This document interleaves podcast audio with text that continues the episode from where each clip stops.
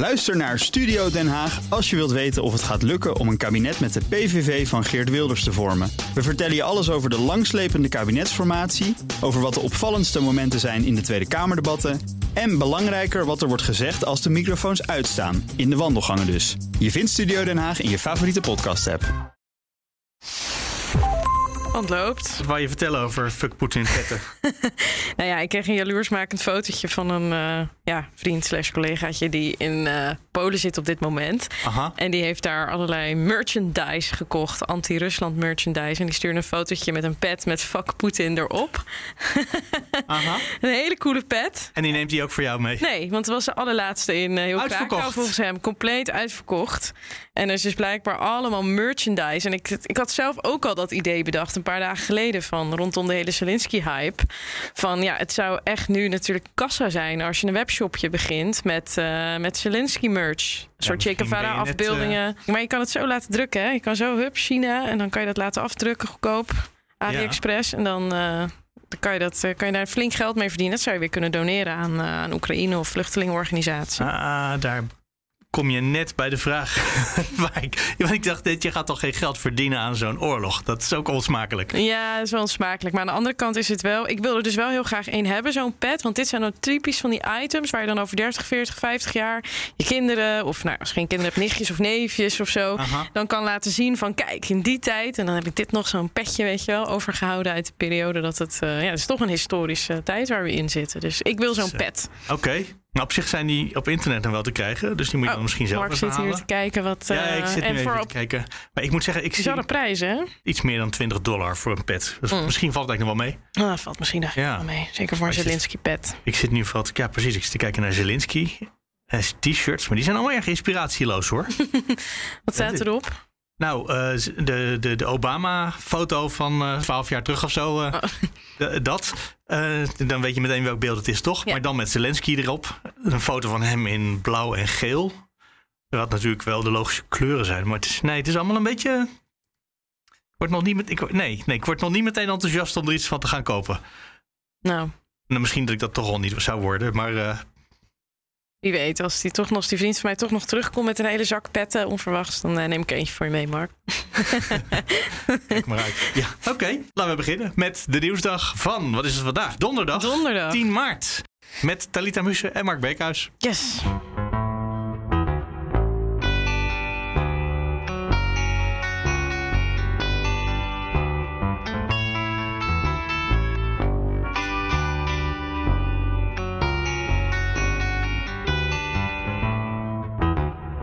Dan het nieuws. Over corona. We hebben het de laatste tijd steeds minder over corona, maar er is toch eh, corona-nieuws. Alle reden moeten we weer over hebben, want alle besmettingen nemen weer op. Mensen in de ziekenhuizen hadden we van de week al eventjes over. Dat het Ja. daar steeds vaker weer over gaat. Ja, dat ook. Maar ehm, ik zag ook een berichtje uit de Financial Times. Althans zag ik op Twitter voorbij komen een artikel van de Financial Times... waarin ze zeggen van nou sinds het eerste, sinds het begin van de pandemie...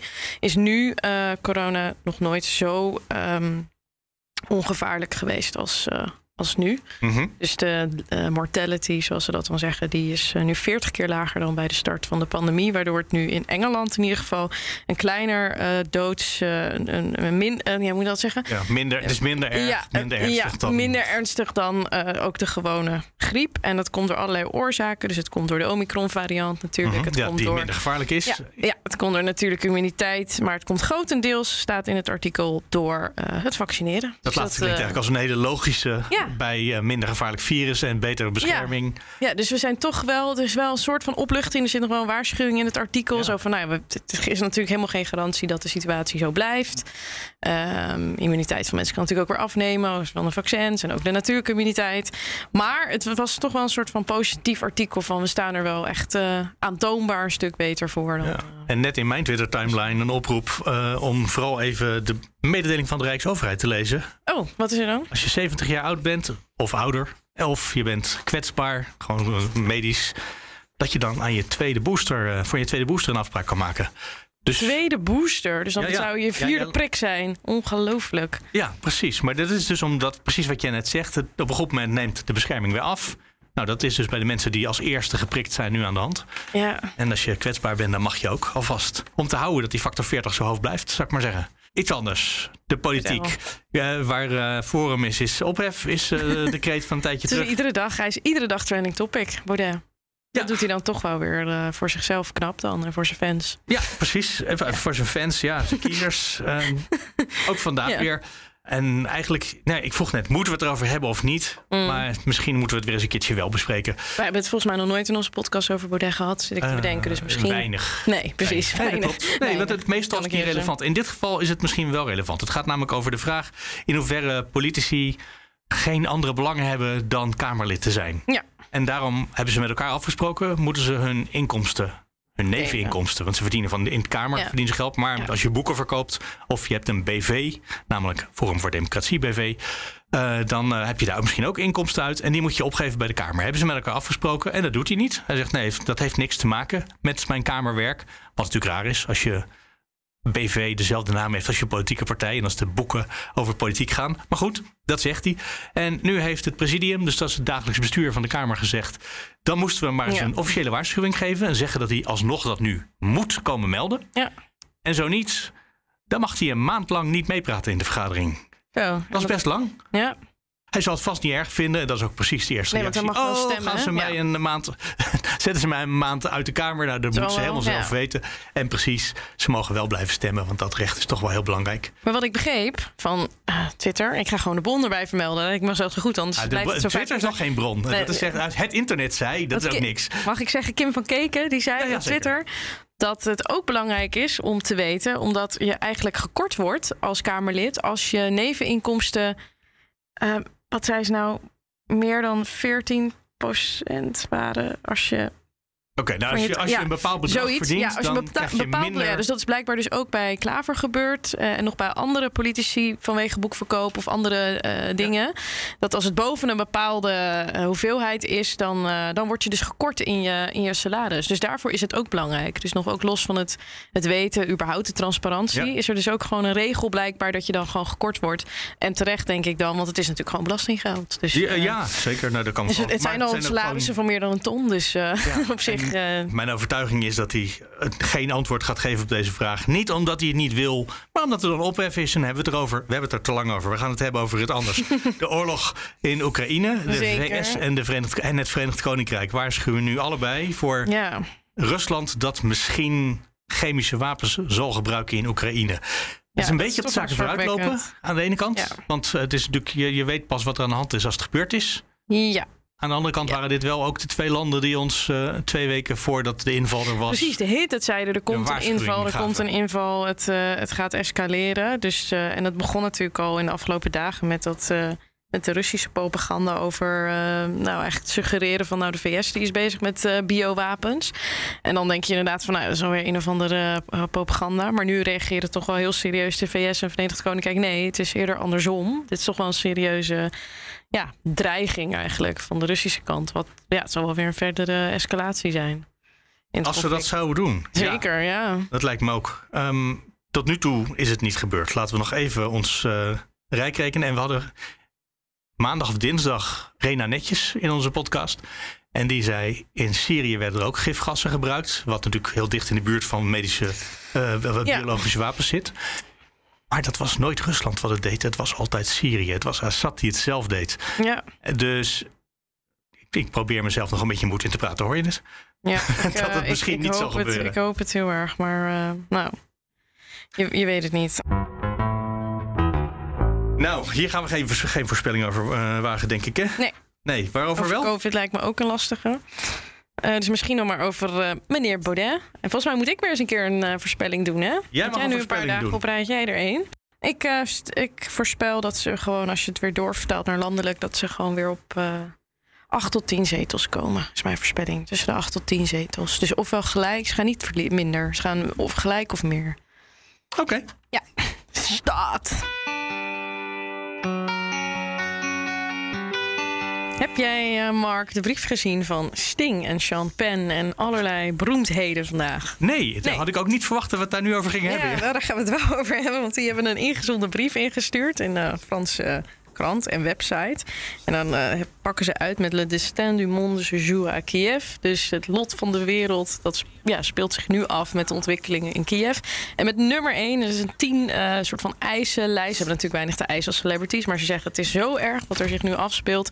En met stipt op nummer 1 stond: er moet gewoon per direct een vervolging gestart worden uh, naar de oorlogsmisdaden van Poetin en, en, ook zijn familieleden. Dus uh, begin gewoon nu. En je zag ook al eerder berichten dat Spanje en andere landen zeiden van we gaan bewijs verzamelen, we gaan naar het internationaal gerechtshof stappen. Dus ik ben gewoon heel erg benieuwd. Ja, wat, hoe erg zijn die oorlogsmisdaden? Wat kan je daar nu tegen doen? Hoe start je die vervolging op, uh, et cetera? Dan ja. heb ik goed nieuws voor je. We hebben Precies. contact met Geert-Jan Knoops, advocaat die echt hier in dit soort zaken gespecialiseerd is. Goeiedag. Goedendag. Zullen we maar eens beginnen met de vraag of er überhaupt op het ogenblik gewoon onomstotelijk, zonder enige discussie, oorlogsmisdaden gepleegd zijn in Oekraïne, door waarschijnlijk Rusland dan?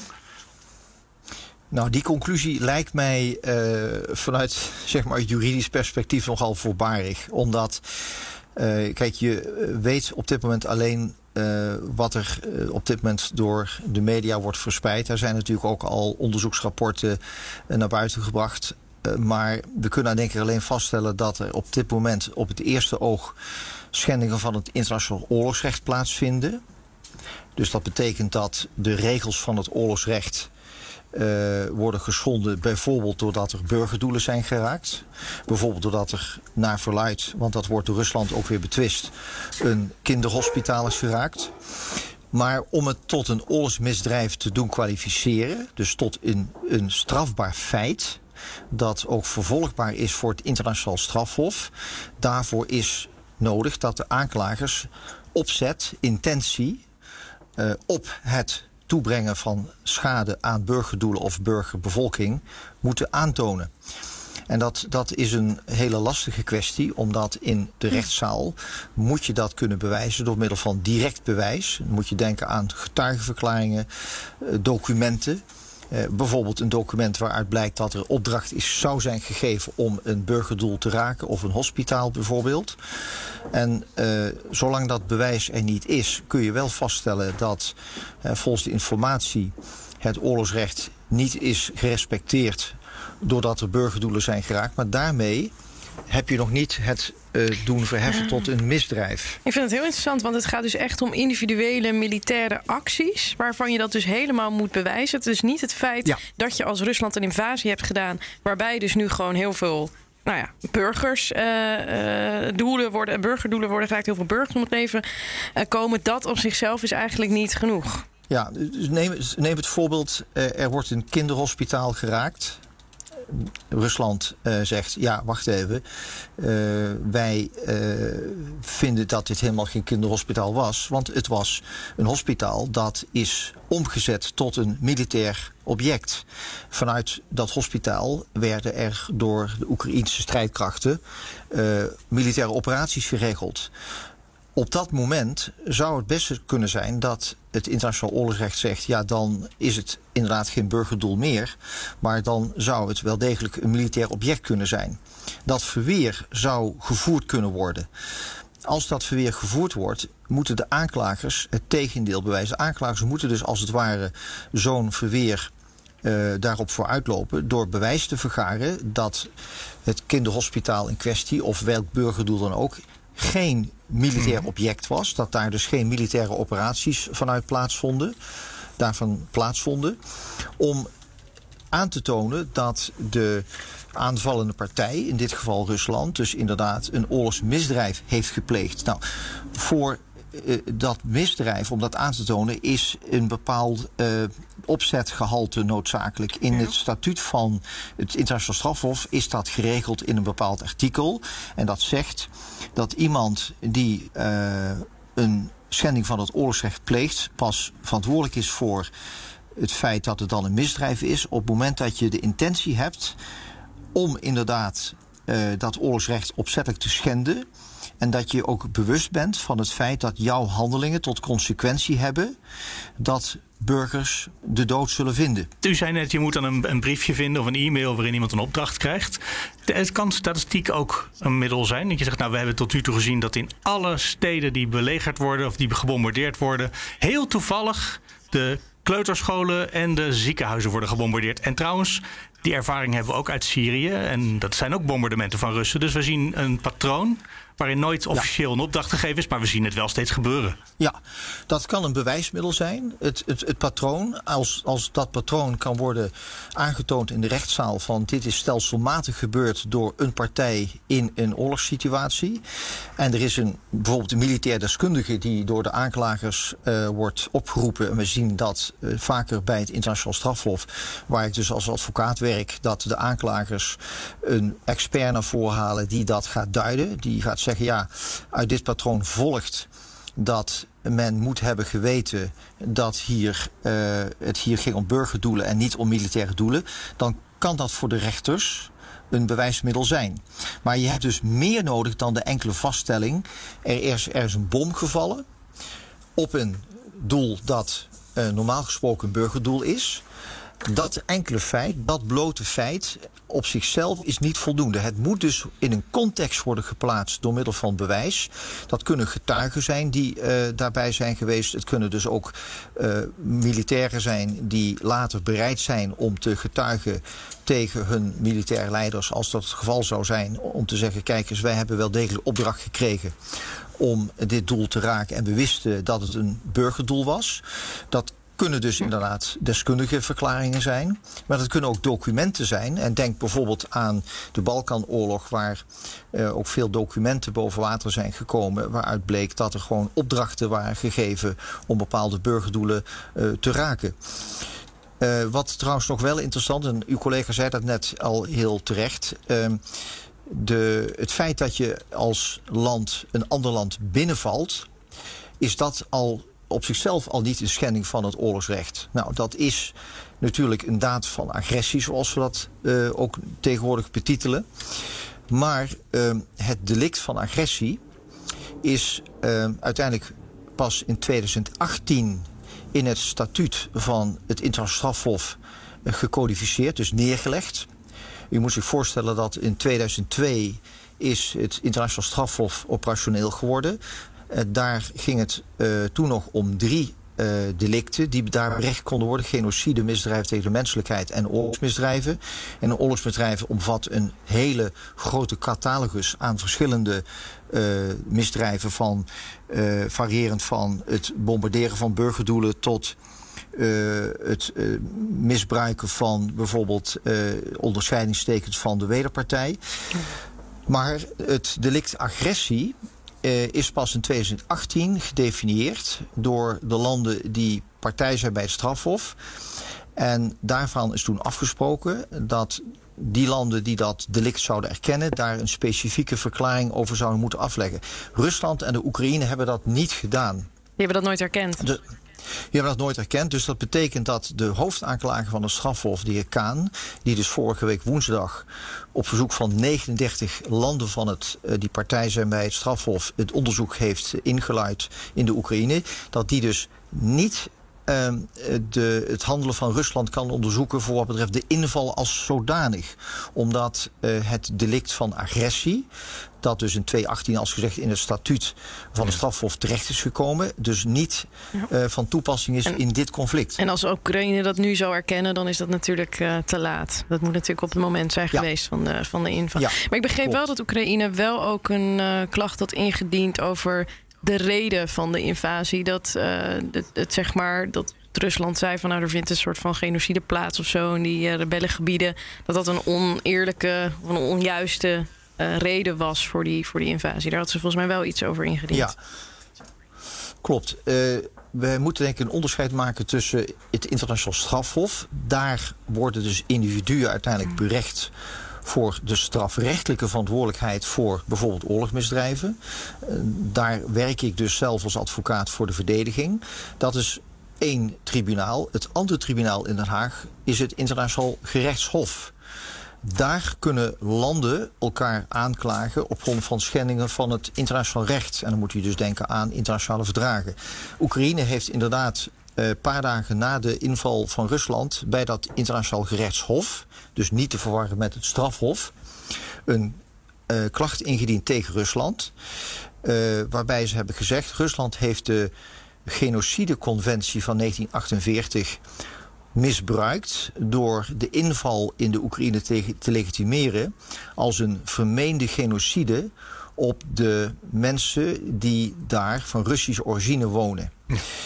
Uh, Oekraïne heeft die zaak dus bij dat internationaal rechtshof neergelegd. Die zaak is afgelopen maandag en dinsdag behandeld door de rechters van het internationaal rechtshof. Uh, waarbij dus de Oekraïne heeft gevraagd om een voorlopige voorziening een voorlopige uitspraak, omdat het dus urgent is dat daar een beslissing over wordt genomen. En daar speelt inderdaad de vraag een rol of Rusland.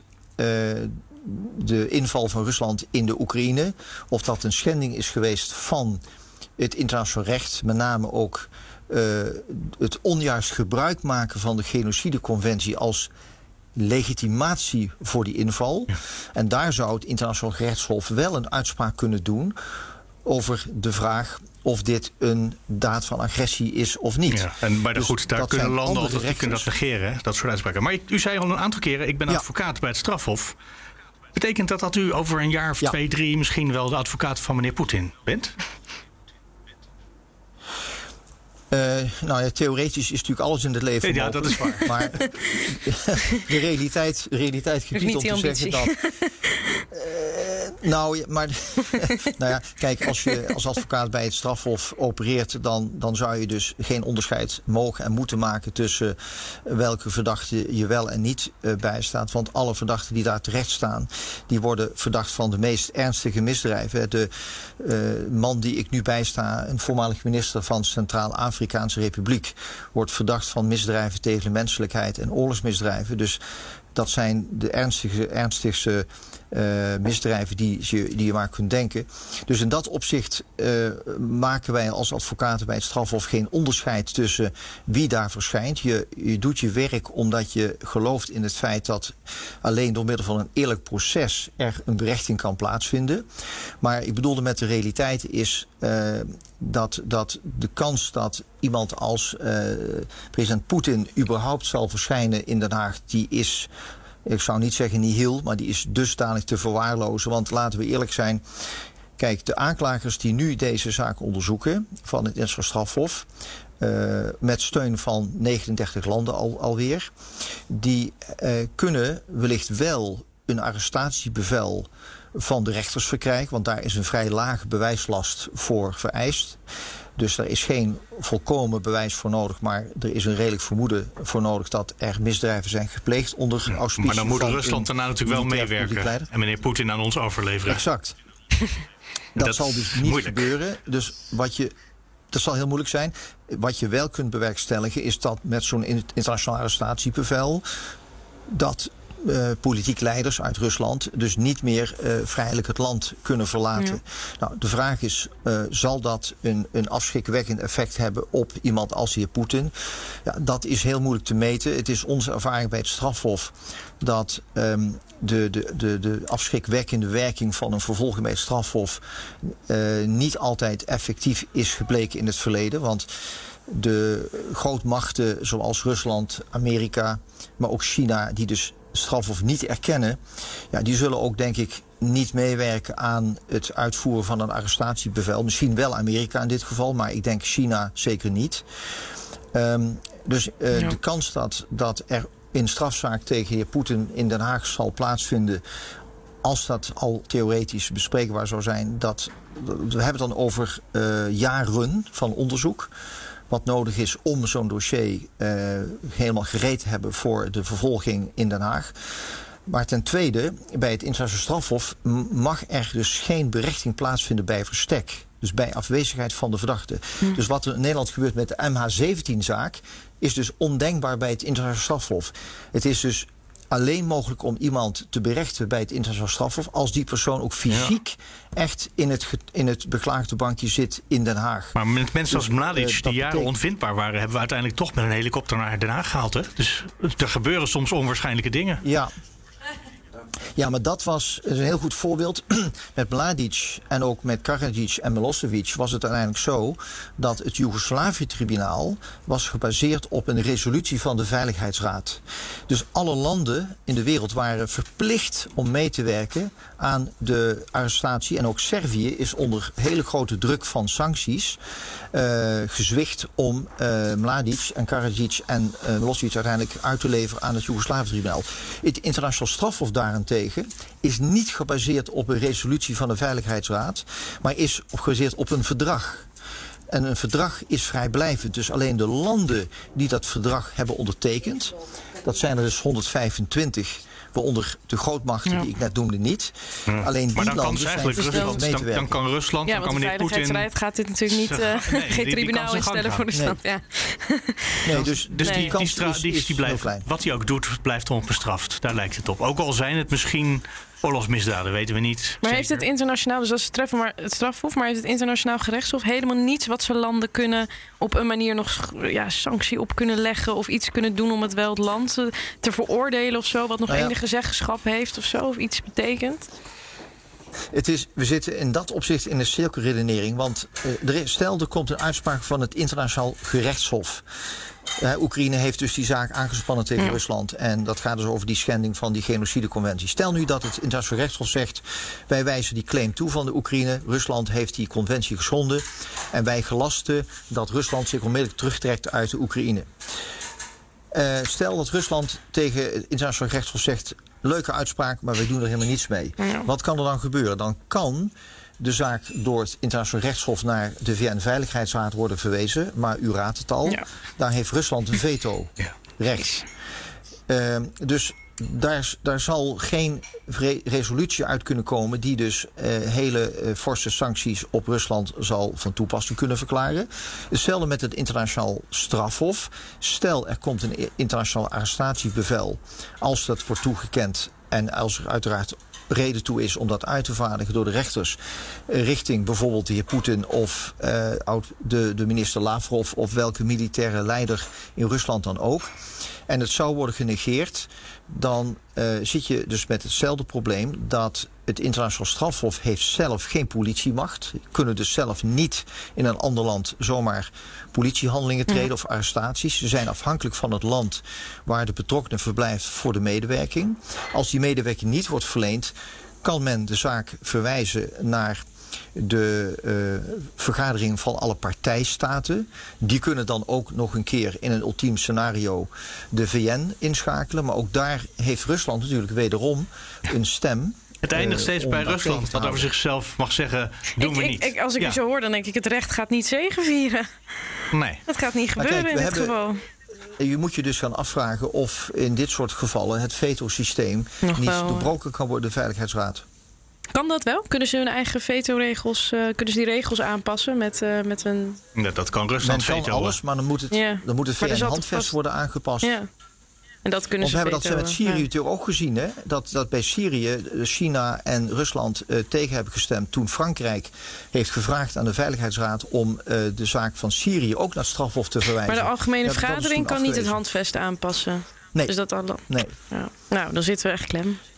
Ja, uiteindelijk loopt alles dood bij Rusland. Maar dit is, het is niet leuk om te horen, maar het is wel nuttig. Dus hartelijk dank, Ja, Geert-Jan Graag gedaan. voor deze uitleg. Een reality check. Ja. En normaal stoppen we hier. Maar vandaag hebben we gewoon nog iets extra's, Talita. ja, we gaan het hebben over de verkiezingen in Zuid-Korea. Gisteravond, Ja. eigenlijk, eigenlijk gisterochtend, toen Ja. zei ik tegen jou... we moeten het hebben over eh, Korea. In Zuid-Korea hebben ze verkiezingen voor de nieuwe president. Ja, je hebt het mij helemaal nog zitten vertellen. Ja, terwijl ik nek op aan een bankje in de zon 50% zat. Ja. tegen 50%. Ja. Ik dacht, dat is een leuk verhaal. En we zijn het gewoon gisteren vergeten te doen. Het kwam er een tweet voorbij van Remco Breuker, hoogleraar Korea-studies. Wat gek dat niemand in Nederland bezig is met die verkiezingen. en eh, Ja. toen dacht ik, ja, dan moeten we... Nou, dit is gewoon onze kans om het er vandaag alsnog over te hebben. Want meneer Breuker is nu bij ons. Goeiedag. Hey, goeiedag. Het bleef tot het allerlaatste einde bleef het spannend, hè? Eh, 48,5% tegen 47,8%. Dus het is echt gewoon... eh, Ja, Ja. Het, had, had net zo goed andersom kunnen uitvallen. Maar de ene heeft gewonnen. Ja, inderdaad. eh Yoon Suk-yeol heeft gewonnen met een verschil van eh, minder dan 250.000 stemmen. Wat eh, ja, op een bevolking van 53 miljoen natuurlijk echt, echt heel klein is. Doet een beetje denken aan Amerika, waar ooit een keertje... zeggen, wordt de uitslag betwist Trump, daar? Of eh, wordt die wel geaccepteerd? Nee. Die is meteen geaccepteerd. eh, zodra alle stemmen geteld waren, heeft eh, de verliezende kandidaat... Nou, er waren meer verliezende kandidaten, maar de grote tegenstrever van Yoon, Lee Jae-myung, die heeft meteen eh, zijn verlies toegegeven. Ja, dat was de vorige, hè? De, de, de vorige ja. president is Nee. afgetreden. Nee, zag ik het verkeerd? Nee, dat, dat, nee dat, eh, dat is niet de vorige. Want in, uh, in Zuid-Korea kan je niet herkozen worden. Hm. Uh, oh, slechte ervaringen met presidenten die zich ja, um, tot dictator voor het leven benoemen eigenlijk. Dus je hebt een één termijn van vijf jaar en dan, dan kan je nooit meer herkozen worden. Het klinkt als een zalig, dus, uh, als een zalig land. wat, wat was het belangrijkste het verschil ja, ja. tussen, de, tussen de twee kandidaten waar het om ging? Ja, er zijn echt heel veel verschillen. Het zijn elkaars tegenpolen. Hm. Um, de, de stemmers uh, de, van die, de mensen die op Yoon hebben gestemd, hebben over het algemeen ook echt een hekel aan de mensen die op Lee hebben gestemd en andersom. Yoon is de conservatieve kandidaat, dus hij heeft dus gewonnen. Hij is nu de de aankomende president. Um, hij staat uh, voor conservatieve sociale waarden. Een harde, of een hardere benadering van uh, Noord-Korea. Dus niet zoals de, huidige president, die toch heel toegevelijk is geweest. Het, hij is ook geen beroepspoliticus. En dit is eigenlijk zijn eerste, ja, zijn, zijn eerste poging om de politiek in te gaan. Hij is meteen president geworden. En tegenover staat, stond, tegenover hem stond Lee Jae-myung. Of Lee Jae-myung in het Engels.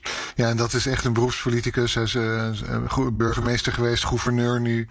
Um, links, progressief. Een, uh, een wordt hij ook wel genoemd. Echt wel een populist die um, um, ja, bijna op alle fronten anders ja. zou hebben gehandeld, denk ik, dan Yoon. En wat, wat betekent deze conservatieve afslag dan voor uh, Zuid-Korea en voor de internationale verhoudingen ook? Ja, wat gaan we er hier van merken? Ja, ja nou, ik denk wel, wel aardig wat hoor. Want uh, Lee, uh, als Lee president was geworden, dan um, was het, denk ik, het hele verzoenende beleid ten opzichte van Noord-Korea door, doorgezet. Dat betekent ook een, een, een positieve verhouding ten opzichte van China. En dat heeft de, deze, dus de aankomende president president Yoon heeft dat helemaal niet. Die is veel meer op Amerika gericht. Die vertrouwt Noord-Korea niet. En dat betekent dus dat Zuid-Korea eigenlijk, ja, als ik het zo plat mag zeggen, in onze sferen blijft verkeren. In plaats van zich meer naar China te, te meer op China te richten. Wat de afgelopen jaren wel een beetje gebeurd is. Dus uh, in internationaal opzicht maakt het wel echt heel veel uit. Is grappig dat conservatief daar meer naar Amerika gekeerd is, terwijl progressief dus van Amerika afkeren is. Dat is vind ik wel fascinerend. Ja, dat, dat, dat, ja. dat is echt ja. altijd al zo geweest. Uh, ook de, de, de militaire dicta de dictators, die waren ook altijd pro-Amerikaans. Ze werden ook een beetje door Amerika aan zadel geholpen of gehouden. Uh, en terwijl juist de progressieven, de dissidenten, die, uh, die onafhankelijk wilden worden van iedereen, maar dus zeker ook van Amerika. Is dit een soort havik tegenover Noord-Korea nu? Want dat vind ik namelijk heel spannend. Met een land wat daar kernwapens aan het ontwikkelen is en zo. Uh, regelmatig ja. oefent richting Japan. Uh, ja. dat, daar moet je misschien, uh, nou dat merken we nu met Rusland, voorzichtig over nadenken wat je wil. Ja, nou, dat weet ik dus niet. En dat is wel een punt. Um, hij lijkt geen havik te, echte havik te zijn. Um, hij heeft weinig geduld met Noord-Korea. Dat, dat is wel, denk ik, al duidelijk geworden. Um, maar hij heeft het lijkt er ook niet op, wat was anders geweest bij vorige president, conservatieve presidenten, dat die kosten wat het kost uh, Noord-Korea wil binnenhalen, eigenlijk wil, uh, nu wil veroveren misschien nog net niet, maar zich wel heel hard zou opstellen tegenover Noord-Korea. Ook, ook um, ja, daar zelf initiatief in zou nemen. Ik vermoed, en ik hoop, ik hoop dat ik daar gelijk in heb hoor, dat hij uh, weinig geduld zou hebben met Noord-Koreaanse provocaties, maar niet de type is dat denkt, nou laten we eens kijken of, of wij niet het initiatief moeten nemen en Pyongyang moeten binnentrekken. Daar heb ik te weinig, ja, tot nu toe is er heel weinig uh, aanleiding voor. Gelukkig, maar we weten ja. eigenlijk te weinig van hem. Ja, nee, het, hij is, um, het is wel een man die wat durft. Hij is, uh, hij is uh, um, officier van justitie geweest. Um, ook, ook hoofd van het Openbaar Ministerie. Heeft in de clinch gelegen met, deze, met de huidige president. Is uiteindelijk ook door hem ontslagen.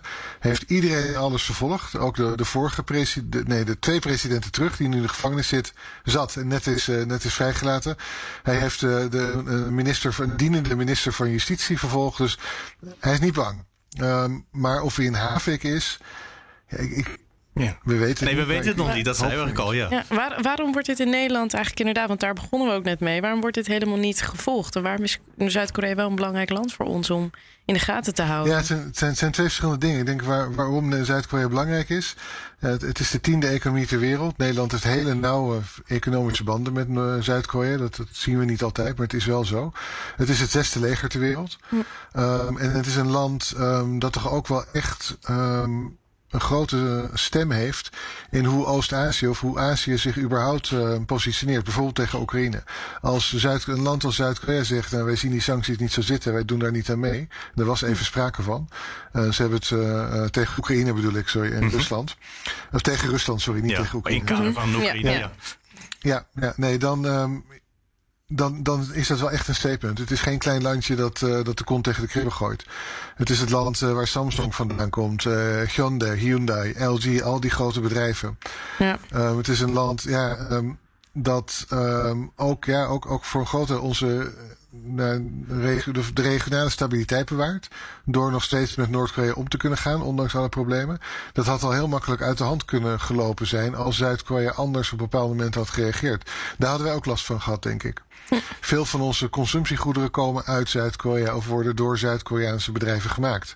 Kijk maar wat voor auto we rijden, of wat voor tv we kijken, of wat voor mobieltjes we hebben. Nou, noem het zo maar op. Serieus, op Dus Netflix zijn hele goede Koreaanse tv-series. Ja, ook cultureel inderdaad zie je er ook Nou, steeds ja, meer van. precies. Nee, Ja. we hebben het daar nog niet eh, eens over gehad. Eh, cultureel is Zuid-Korea echt een, een powerhouse geworden. De Wat, wat heel bijzonder is voor een land. Ja, K-pop, ja. Ja. Ehm, dat, eh, dat nooit een eigen koloniaal rijk heeft gehad. Meestal zijn het die landen die de toon zetten. Het is Zuid-Korea dus gebeurd. Ja. Eh, gelukt om dat anders te doen. Ja, maar dat Eh, zal dus misschien een- niet veranderen nu door eh, de wisseling van de president. Nee hoor, dat, gaat, dat maakt helemaal niet uit. eh, Conservatief of progressief. Nee, de, creatieve sector gaat zijn eigen gang, gelukkig. Dus nee, dat zijn allemaal redenen om eh, Zuid-Korea heel serieus te nemen. Als je kijkt naar het coronabeleid, wat ze gewoon vele malen beter hebben gedaan. En rationeler en wetenschappelijker, denk ik, dan Nederland. Ja, dan denk je, dat is ook denk ik een hele, ehm, misschien egoïstische reden om naar Zuid-Korea te kijken. We kunnen ook af en toe echt wel wat leren van hoe dingen worden aangepakt. En Zuid-Korea staat voor veel van dezelfde problemen als Nederland.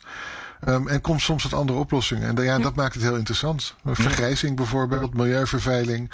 Eh, hoe overleef je als klein land, relatief? Zuid-Korea is wel een stuk groter dan Nederland. Maar ehm, als je geen eigen grondstoffen hebt en het moet hebben van je serviceindustrie, van je handel, van je creativiteit, technologie, et cetera. Dus ja, er zijn 101 redenen te bedenken waarom Zuid-Korea gewoon wel op onze radar moet zitten. En nu zijn het al, er is een soort verdeling tussen die twee groepen. De kiezers die het een of die het andere kiezen. Eh, de, de president, Ja. die hebben gewoon netjes gedaan. Wat de, de, de een is afgetreden en de ander treedt nu aan. En die doet alle Ja. rituelen die daarbij horen. Maar is dan het land Ja. ook zo... eh, is, dat, is dat echt verdeeld, eh, zoals we dat uit Amerika en een beetje uit Nederland kennen? Ja, nee, Zuid-Korea laat, laat, laat heel vaak wel ehm, ehm, fenomenen zien die wij dan een paar jaar later krijgen. En politieke polarisatie, zoals wij nu ook een beetje hebben, is daar al een hele tijd aan de gang. Ehm, dat heeft nog geen invloed gehad op het, eh, het complete, ja, eigenlijk niet meer vertrouwen van instituties. Dat zie je ook nu aan de oppositiekandidaat die meteen heeft gezegd: Ik heb verloren en ik erken deze eh, aankomende president. De, de zittende president heeft ook meteen gezegd: eh, Het zal misschien niet altijd even makkelijk zijn om macht over te geven aan iemand die zo anders over dingen denkt. Ja, Maar dat, dat, dat maakt niet uit, want de macht wordt gewoon overgegeven. En dat doen we zoals het moet. Maar als je kijkt, ehm, ja, ja, het, verjaardagen in Korea, die kunnen wel uit de hand lopen. Laat ik het zo zeggen. Als je oom eh, ehm, rare dingen gaat debiteren over wat die vindt van de politiek. En dat is wel echt. ehm, Nee, moet je ook is doen op verjaardag. Maar waar komt dan wel die, die polarisatie? Ja. Wat is dan die grote eh splijtswam, zeg maar? Waar zit dat dan op? Ja, het zijn, het zijn heel veel verschillende splijtswammen. Ehm, je hebt bijvoorbeeld eh, Noord-Korea, daar wordt heel anders over gedacht.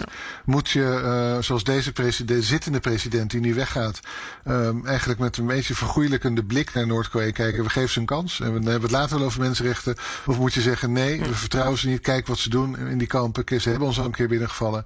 En laat hen maar bewijzen dat, het, eh, dat, dat ze deze keer wel eh, echt wat, wat van, eh, echt menen wat ze zeggen. Nou, dat, dat is één punt. Dat gaat bijvoorbeeld over ehm, seksualiteit.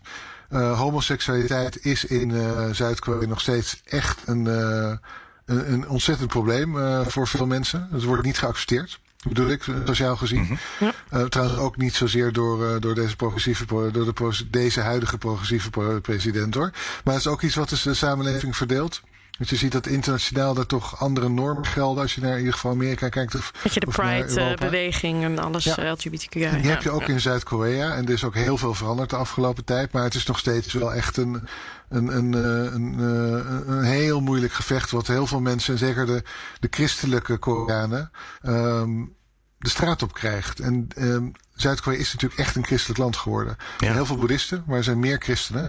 Ehm, en een deel van deze christenen, dat zijn wel echt de hardcore christenen. Die ehm, ook weinig, niet altijd evenveel tolerantie hebben voor... ehm, ehm, ja, anders denkende, anders geloven als je zou willen. En dat is, dat is ook iets wat je gewoon heel erg in de politiek terug ziet komen. Ja, u zei wel iets interessants, de mensen ja. de straat op krijgen. Want ik ben één keer in Korea geweest. Het Ja. viel mij op dat er werkelijk op elke straathoek een demonstratie gaande was. En ik overdrijf een klein beetje, maar niet heel erg veel. Ja, nee hoor, nee, dat, kan, dat kan heel goed. Dat gebeurt ook wel vaak.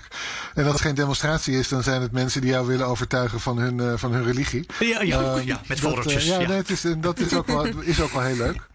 Ehm, Ja, precies, heel leuk. je hier alleen bij Amsterdam. Centraal. Dus eh, mensen gaan makkelijk de straat op. En ehm, de, de, de, eigenlijk de vorige president, dus niet de zittende, maar de, die daarvoor, Pak Geun-hye, ehm, die is afgetreden. Die heeft moeten aftreden nadat miljoenen, letterlijk miljoenen Koreanen elk weekend weer met z'n allen de straat op gingen. Net zolang tot ze aftrad. En dat ging zonder geweld. Dat eh, was natuurlijk wel intimiderend om te zien en ook wel, Ja. ook wel indrukwekkend. Eh, nee, Ko- Koreanen ehm, in het algemeen, Koreaanse burgers zijn zich bewust van hun rechten. En die stellen hun politici ook verantwoordelijk voor als het fout gaat. Dat is ook een van de redenen, denk ik, waarom de corona-aanpak daar gewoon relatief goed is gegaan, voor zover dat kon. Een pandemie is natuurlijk altijd eh, grote ellende. Ja. Eh, ook omdat politici wisten dat als we dit niet goed aanpakken, zitten wij in de gevangenis zometeen. En dat is geen overdrijving, want tot nu toe is geen oud-president in Zuid-Korea op vrije voeten. Of dood, of zit in de gevangenis. Oh, dat moeten we ik hier ook hoop doen. dat deze, Ja, nou ja, echt wel. En die, die vijf- maximale vijf jaar termijn. En gewoon inderdaad verantwoordelijkheid Ja, nee, nemen dat voor, is- je, dat is heel goed. voor je beleid. Ja, ja, ja. Nee, dus er is misschien best is dat een kans. overdreven, ja. Ook omdat, eh, Ik ga echt naar Omdat Zuid-Korea. deze, deze. Dat kan ik alleen maar aanraden. Echt, het is echt een heerlijk land. Eh, omdat deze zit. De, de aankomende president ook natuurlijk zelf officier van justitie is geweest. Ehm, dat, dat die achter. ehm, de dan afgetreden president aangaat en diens mensen. Dat is, dat is wel dat is een van de, de mindere punten van de Zuid-Koreaanse democratie op het moment. Dat heet wraakpolitiek. Hmm. Namelijk Ja. dat je dus ehm, juridisch afrekent met je voorgangers en eh, degene die hun steunde. Ja, dat, ik, ik hoop Ja. dat hij eh, groot genoeg is om dat deze keer niet te doen. Eh, want het moet een keer stoppen, zou je hopen. Maar dat gebeurt wel. En er is ook wel vaak wat aan de hand hoor. Er is ook wel corruptie en waar niet. Maar Nou, Bedankt. hartelijk dank Remco Breuker, hoogleraar Korea-studies in Leiden. En wij roepen aan het eind van elke podcast altijd... je kan mailen, je kan reageren. De Nieuwsdag, het BNR. Mensen doen het ook echt. Mensen, ja, mensen doen dat ook echt. En er zijn heel veel trouwe luisteraars. Maar nu was er weer eentje die ik nog niet kende. Dat vind ik ook leuk. Dat is leuk. Aaron, die reageerde op de podcast van gisteren... over het, eh, het ongemak dat we Syriërs minder makkelijk hebben opgevangen. En trouwens allerlei andere vluchtelingen. Ons, ons verhaal met Milka. Ja, eh, dat we die minder makkelijk opvangen dan de mensen uit Oekraïne nu. Nou, er kwam trouwens een, eh, een hele, ja, een beetje iets wat cynische tweet van iemand eh, van Eduard. Die zei, ja, het is gewoon vrouwen en kinderen. En die andere keren waren het vooral mannen. Zo simpel is het. En opvang in de regio. Zou best eens kunnen. Er gaan ook verhalen rond dat er inderdaad mannen naar de Pools-Oekraïnse grens gingen om daar vrouwen te redden. Je merkte dat het een onderwerp was waar gelijk mensen ook weer kritisch op reageerden dat we het hadden besproken. En je hebt zowel kritiek, dus als je niet het bespreekt, van nou, waarom bespreekt niemand in de media dit? Mhm. Maar er kwam ook weer gelijk een reactie, jullie zijn gevallen voor de woke-ideologie. Ja.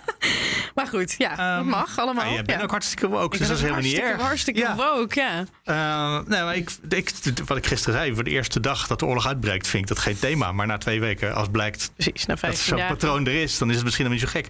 En eh, die mail van Aaron dus, die zegt, ja, de- die voelde zich ook wat eh, ongemakkelijk eerst bij dat verschil tussen de Syriërs en de Oekraïners, dat we de ene makkelijker opvangen dan de andere. En zei hij, maar we moeten wel toch voorzichtig zijn met uitspraken als zijn deze mensen dan te wit, te christelijk of te Europees, eh, of juist niet wit, christelijk of Europees genoeg voor ons medeleven. Misschien dat we dan toch iets te snel naar een iets te makkelijke uitleg grijpen. En nou, dit, die, dat citaat dat was gisteren van Kuzu van Denk, zeg ik uit het Ja. hoofd, uit de Tweede Kamer. Eh, Ja, en hij misschien is het te makkelijk. ook- ja. ja, hij werpt zelf een andere verklaring op. Dat eh, we grip eigenlijk, we hebben weinig grip op de situatie in het Midden-Oosten en in Noord-Afrika. Dat we daar een beetje het gevoel bij hebben, nou, uitzichtloze ellende, dat kunnen we toch niks eh, eh, meer voor betekenen. is een beetje cynisch, zegt hij zelf ook. Maar Oekraïne voelt we wel dan. iets wat grip op de situatie in Oekraïne. Oekraïne voelt dan, nou, of dat dat gevoel er is dat we daar dan dus wel door ons voor in te zetten en ons over uit te spreken en mensen op te vangen en te storten bij Giro 55, dat we dan daar wel nog eh, iets in kunnen betekenen of zo.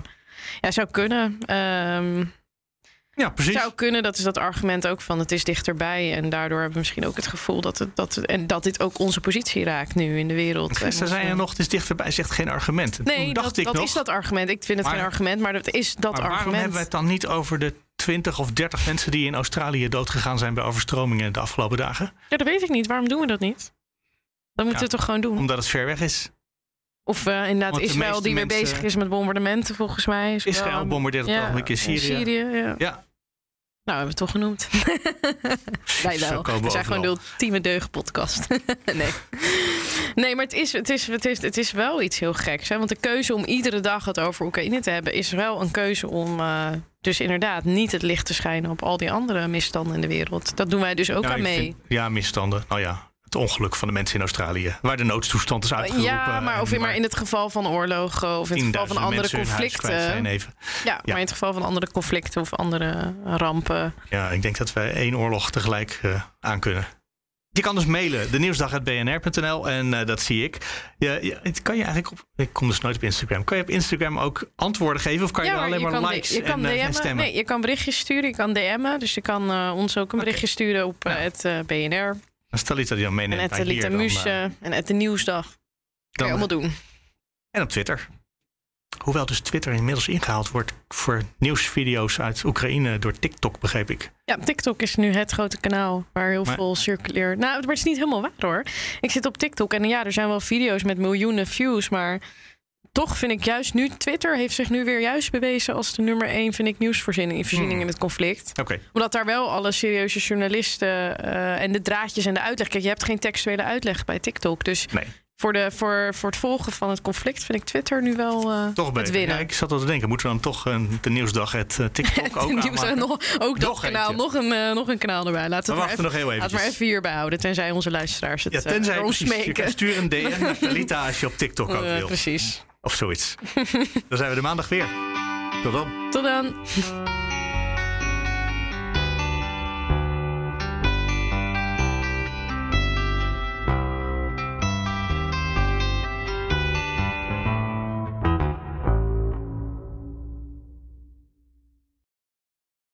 Ook Bas van Werven vind je in de BNR-app. Ja, je kunt live naar mij en Iwan luisteren tijdens de ochtendspits. Je krijgt een melding van Breaking News. En niet alleen onze podcast Ochtendnieuws, maar alle BNR-podcasts vind je in de app. Download nu de gratis BNR-app en blijf scherp.